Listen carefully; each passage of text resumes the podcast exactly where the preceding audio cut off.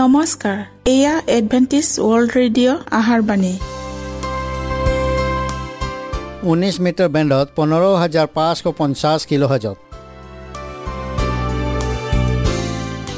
Adventist world radio যোগে অসমীয়া ভাষাত প্ৰচাৰিত আহাৰবাণী প্ৰত্যেক বুধবাৰ আৰু দেওবাৰ সন্ধিয়া সাত বজাত আহাৰবাণী শুনাৰ পিছত আপোনালোকৰ কিবা মন্তব্য আৰু প্ৰশ্ন থাকিলে আমালৈ এই ঠিকনাত লিখক। আমাৰ ঠিকনাটি হৈছে Adventist world radio' seven day Adventist মণ্ডলী অসম শাখা লতাকাটা বশিষ্ঠ গুৱাহাটী সাত আঠ এক শূন্য দুই ন।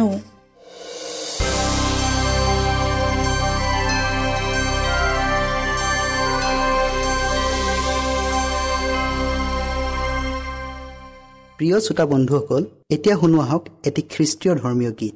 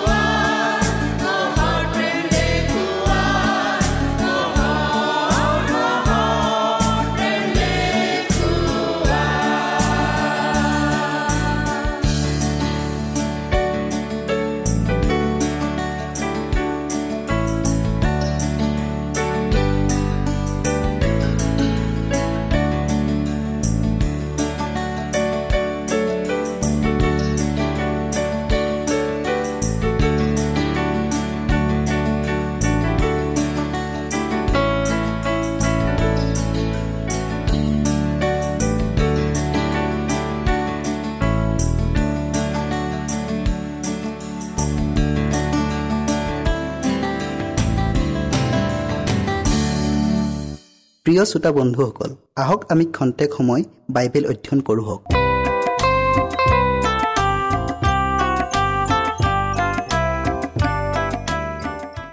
যীশুখ্ৰীষ্টীয়ৰ বাৰজন শিষ্যৰ মাজত পিতৰ নামৰ শিষ্যজন উগ্ৰ স্বভাৱৰ লোক আছিল। তেওঁ অনেক ক্ষেত্ৰত অসফল হোৱাৰ কাৰণ ফঁহিয়াই চালে পোৱা যায়।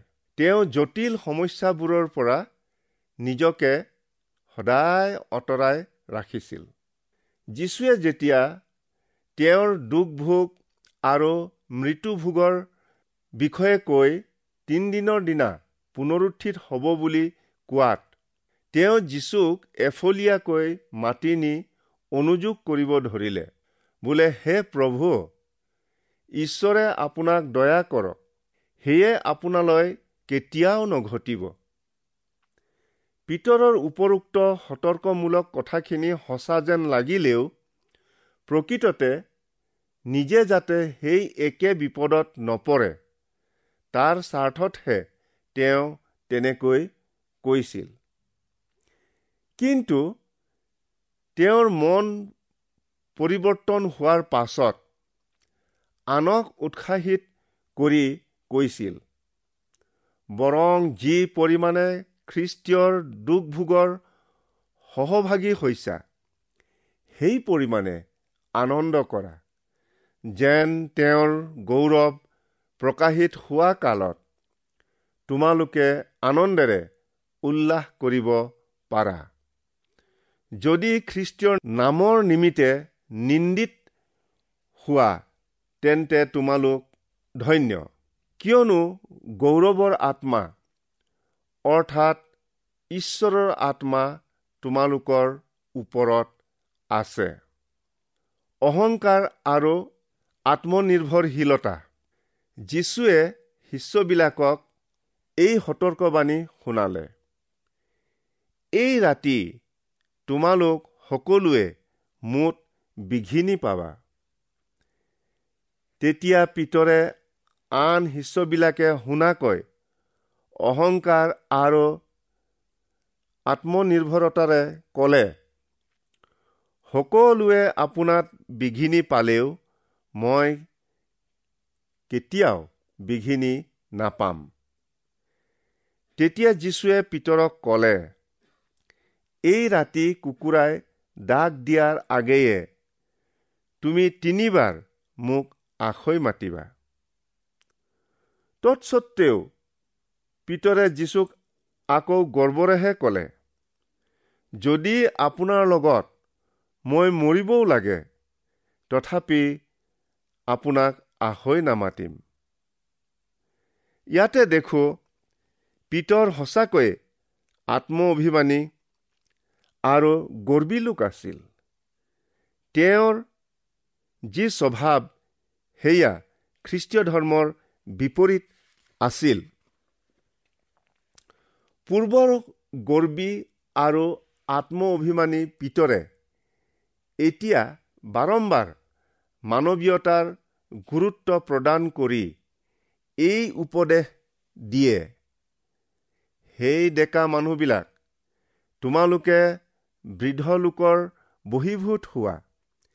এনে কি সকলোৱেই পৰস্পৰৰ হিতৰ কাৰণে নম্ৰৰূপ বস্ত্ৰেৰে কঁকাল বান্ধা কিয়নো ঈশ্বৰে অহংকাৰীবিলাকক প্ৰতিৰোধ কৰে কিন্তু নম্ৰবিলাকক অনুগ্ৰহ দান কৰে।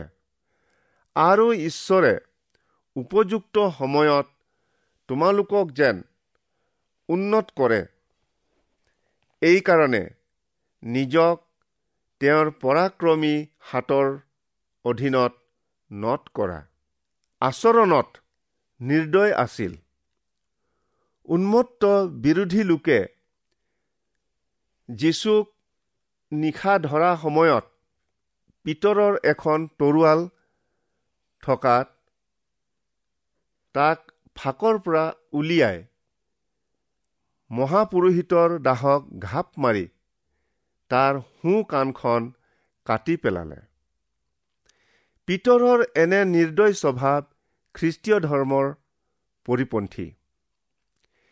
এতিয়া তেওঁৰ মন পৰিৱৰ্তন হোৱাৰ পাছত এই বুলি পৰামৰ্শ দিয়ে জীৱাত্মাৰ বিৰুদ্ধে যুদ্ধ কৰা মাংসিক অভিলাষৰ পৰা পৃথকে থকা তোমালোকৰ সৎকৰ্ম দেখি যেন ঈশ্বৰৰ স্তুতি কৰে এইকাৰণে তোমালোকৰ আচাৰ ব্যৱহাৰ উত্তম হওক।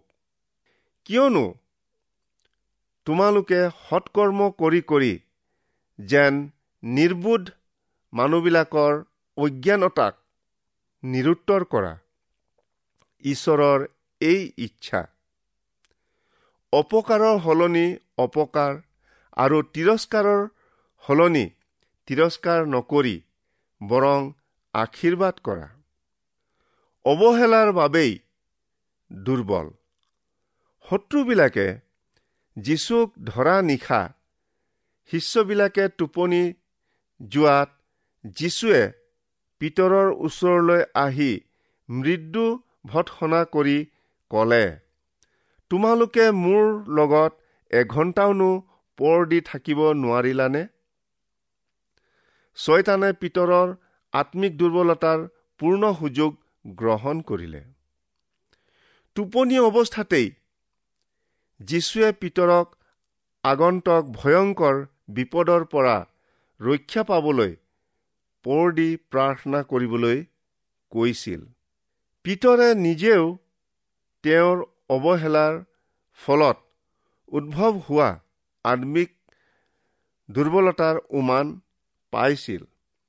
সেয়ে তেওঁ সচেতন হোৱাৰ পাছত অনুপ্ৰাণিত হৈ কৈছিল এতেকে প্ৰাৰ্থনাৰ কাৰণে সুবোধ আৰু সচেতন হোৱা পৰ দি থাকা গুজৰি থকা সিংহৰ দৰে তোমালোকৰ শত্ৰু ছয়তানে কাক কেনেকৈ গ্ৰাস কৰিব পাৰিব তাৰ উপায় বিচাৰি ফুৰিছে।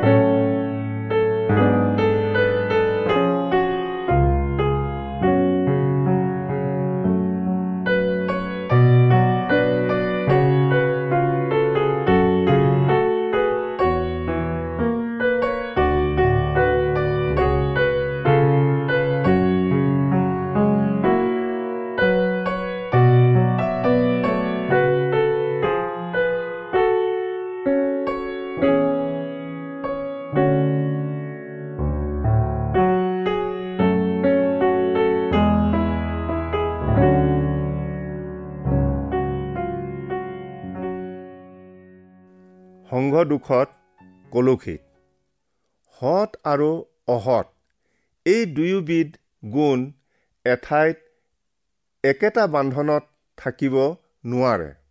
উভয়ৰে নিজ নিজ গুণ প্ৰকাশ পাবই। পিতৰে তেওঁৰ গুৰুৰ কি দশা হয় ইয়াকে চাবলৈ মনে মনে মহাপুৰোহিতৰ ঘৰলৈ গ'ল। পাছে চোতালৰ মাছ ঠাইত তেওঁবিলাকে জুই জ্বলাই একেলগে বহিলত পিতৰো যে যীশুৰ শিষ্য আৰু যীশুৰ লগত আছিল এই কথা কোনেও যেন গম নাপায়।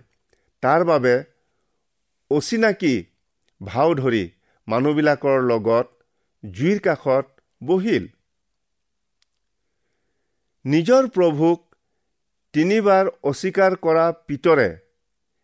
তেওঁৰ দ্বিতীয়খন পুস্তকৰ দ্বিতীয় অধ্যায় এক পদত মানুহবিলাকক অতি সতৰ্কতাৰে উৎসাহিত কৰি লিখিছে। তথাপি মানুহবিলাকৰ মাজত ভাৰী কোৱা ভাওবাদীসকল উৎপন্ন হ'ল। সেইদৰে তোমালোকৰ মাজতো ভাৰী খোৱা উপদেশক উপস্থিত হৈ গুপুতে বিনাশৰূপ বিধৰ্ম প্ৰচলিত কৰিব। যিজনাই তেওঁবিলাকক কিনিলে সেই প্ৰভুক অস্বীকাৰ কৰিব। এইদৰে নিজে নিজৰ আকস্মিক বিনাশ ঘটাব। পিতৰে জগতৰ লগত মিহলি হৈ অসুচী হোৱাৰ অভিজ্ঞতাৰে আমাক সতৰ্ক কৰি কৈছে তোমালোকক আমন্ত্ৰণ কৰা জনা যেনে পবিত্ৰ তোমালোকো সকলো আচাৰ ব্যৱহাৰত তেনে পবিত্ৰ হোৱা। হাও আৰু শপতেৰে যীচুক অস্বীকাৰ কৰা। পিতৰে যীচুক অস্বীকাৰ কৰা কথাখিনিৰ গভীৰতা পাবলৈ তেওঁ হাও আৰু শপতেৰে থিৰ কৰিছিল। পিতৰে নিজেই হাও আৰু শপতেৰে ঈশ্বৰৰ আজ্ঞা ভংগ কৰি তেওঁক অপমান কৰিলে। এতিয়া পিতৰে অনুতাপ কৰি মন পৰিৱৰ্তন হোৱাত খ্ৰীষ্টীয়ৰ আদৰ্শৰে অনুপ্ৰাণিত হৈ কৈছে তেওঁ কোনো পাপ নকৰিলে। তেওঁৰ মুখত কোনো চলনা পোৱা নগ'ল। নিন্দিত হোৱা কালত প্ৰতিনিন্দা নকৰিলে। দুখ পোৱা কালত দাবী ধমকি নিদিলে। কিন্তু ন্যায়ৰূপে বিচাৰ কৰোতা জনাৰ ওপৰত ভাৰ দিলে। যিজনে জীৱন প্ৰেম কৰিবলৈ আৰু মংগলৰ চিন চাবলৈ ইচ্ছা কৰে তেওঁ কুপথৰ পৰা নিজৰ জীৱা আৰু চলনা বাক্যৰ পৰা নিজৰ ওঠ ৰাখক। চমুকৈ ক'ব পাৰি পিতৰৰ পতন আৰু পৰিৱৰ্তনে দেখুৱাই যে মুক্তি বা উদ্ধাৰৰ অৰ্থে সজাগ হ'বলৈ শাস্ত্ৰে পথ দেখুৱাই এইকাৰণে যিকোনোৱে থিৰে আছো বুলি ভাবে তেওঁ যেন নপৰে তাৰ নিমিত্তে সাৱধান হওক। কোনোবাই পতিত হলেও হতাশ নিৰা নহওক। বৰং পাচনি পিতৰৰ সদুপদেশ মানি চলো হওক। এতেকে মন পালতাই ঘূৰি আহা। এইদৰে প্ৰধান ৰক্ষক প্ৰকাশিত হোৱা কালত তোমালোকে ঐশ্বৰ্যৰূপ অম্লান কিৰিটি পাবা। যিজন শিষ্যই অৰ্থাৎ পিতৰে যীচুক গালিলীয়া মাছমৰীয়া স্বভাৱ সুলভ মাত কথাৰে হাও আৰু শপতেৰে যীচুক অস্বীকাৰ কৰিলে। সেইজন শিষ্যই জিৰচালেমৰ ওপৰ কোঠালিত পঞ্চাছদিনীয়া পৰ্বৰ দিনা পবিত্ৰ আত্মাৰ শক্তি পোৱাৰ পাছত তেওঁ ঈশ্বৰৰ আৰু সহ শিষ্যবিলাকৰ মুখপাত্ৰ হৈ গোট খোৱা হাজাৰ হাজাৰ মানুহৰ আগত যীশুৰ পুনৰ উত্থানৰ সাক্ষ্য দিলে। যিয়ে যীশুক তোমালোকে শত্ৰুৰ হাতত সোধাই দিলা। কিন্তু ঈশ্বৰে মৃতবিলাকৰ মাজৰ পৰা তেওঁক তুলিলে। তাৰ সাক্ষী আমি আছো।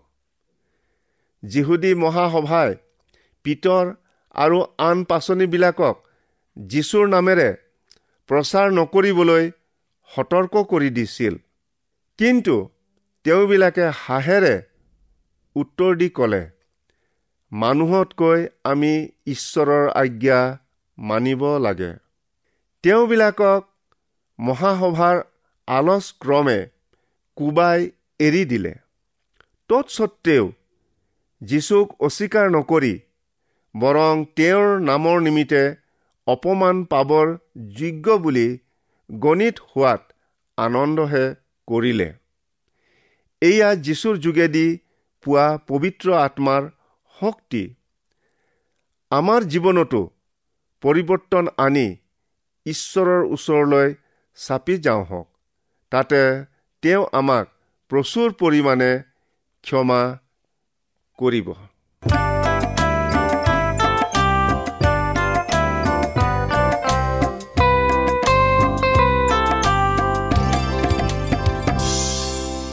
ইমানপৰে আমি বাইবেল অধ্যয়ন কৰিলোঁ। এতিয়া আকৌ শুনো আহক এটি খ্ৰীষ্টীয় ধৰ্মীয় গীত।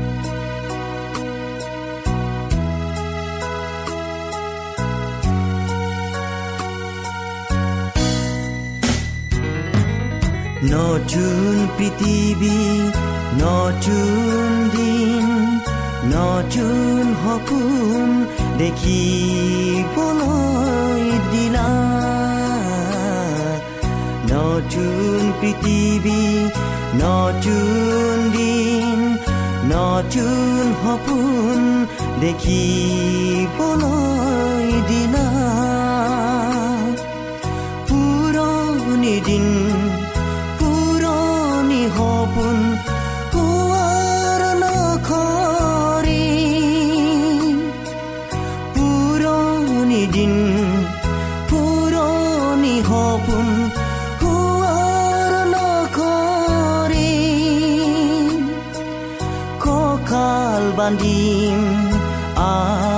kabar him notun yujo mere ko kalbandim akbar him notun yujo mere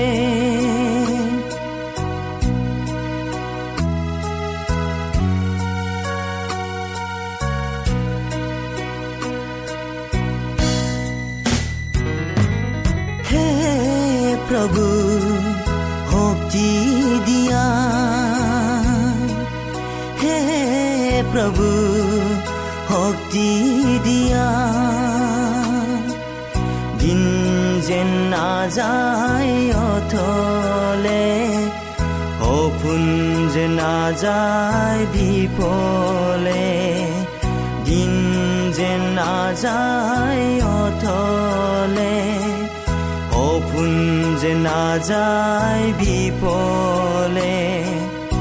এখোজে নাগবাঢ়িম ধৰ্ম পথ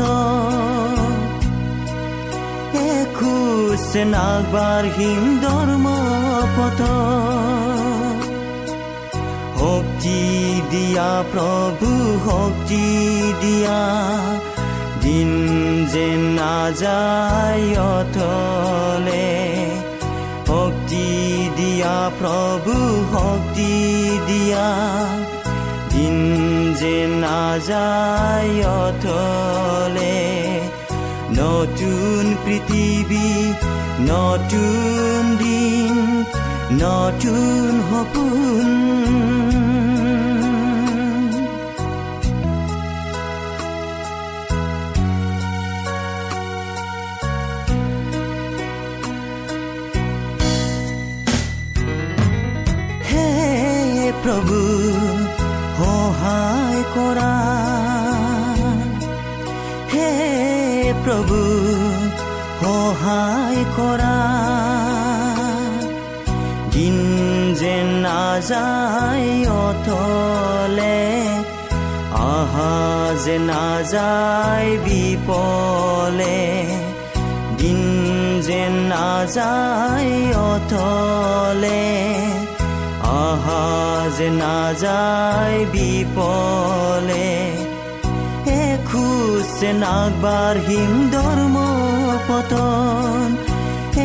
এখোজে নাগবাঢ়িম ধৰ্ম পতন সহায় কৰা প্ৰভু সহায় কৰা দিন যে নাযায় অথলে সহায় কৰা প্ৰভু সহায় কৰা দিন যে নাযায় অথলে নতুন পৃথিৱী নতুন দিন নতুন সপোন দেখিবলৈ দিলা নতুন পৃথিৱী নতুন দিন নতুন সপোন দেখিবলৈ দিলা পুৰণি দিন pun ku koring puroni din puroni hopun ku arno koring kokal bandim akbarhim notun yujomere বান্ধিম আগবাঢ়িম নতুন উজমেৰে নতুন পৃথিৱী নতুন দিন, নতুন সপোন দেখি দেখিবলৈ দিলা নতুন পৃথিৱী নতুন দিন নতুন সপোন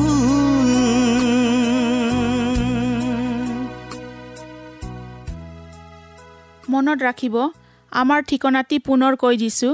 Adventist world radio' Assam region of seven day Adventist voice of hope Latakata Basistha Guwahati seven eight one zero' two nine প্ৰিয় শ্ৰোতা বন্ধুসকল এডভেণ্টিজ ৱৰ্ল্ড ৰেডিঅ' যোগে আহাৰবাণী প্ৰচাৰত আপোনালোকক পুনৰ লগ পোৱাৰ আহাৰে আজিলৈ সামৰিলোঁ। ধন্যবাদ।